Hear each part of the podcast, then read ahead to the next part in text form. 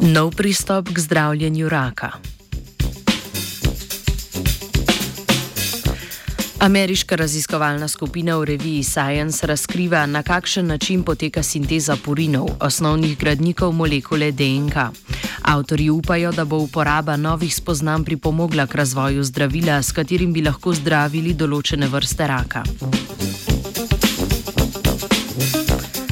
Za lastno preživetje in delitev vsaka celica potrebuje purine, osnovne gradnike molekule DNK, ki nosi genski zapis. Pri vsakem posamezniku dvojna vijačnica DNK tvori specifično zaporedje purinskih in pirimidinskih baznih parov. Sinteza baznih parov, sestavljenih pretežno iz oglika in dušika, poteka znotraj celice. Pri sintezi purinov sodelujejo multiproteinski kompleksi oziroma encimi, ki jih imenujemo purinosomi.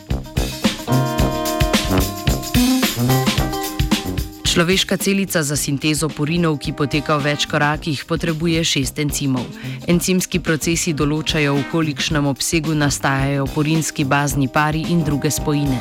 Večje število purinosomov so našli v bližini presnovno živahnih mitohondrijev, v katerih poteka celično dihanje in nastajajo energijsko bogate molekule. V aktualni raziskavi so raziskovalci in raziskovalke opazovali metabolično aktivnost zamrznjenih hela celic, kot poimenujemo nesmrtne rakaste celice materničnega vratu, ki se pogosto uporabljajo v raziskovalne namene. Najprej so hela celice za 12 do 14 ur izpostavili izotopom oglika in dušika, na to pa so spremljali prisotnost označenih elementov v nastalih porinih.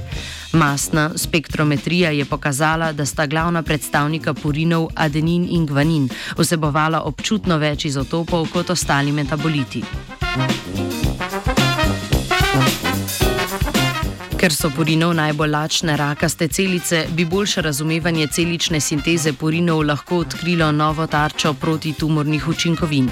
Takšna zdravila bi bila najbolj učinkovita za zdravljenje agresivnih tumorjev, katerih rakaste celice se hitro delijo in širijo po telesu. Lačnim rakastim celicam bi usta rada zaprla Andreja.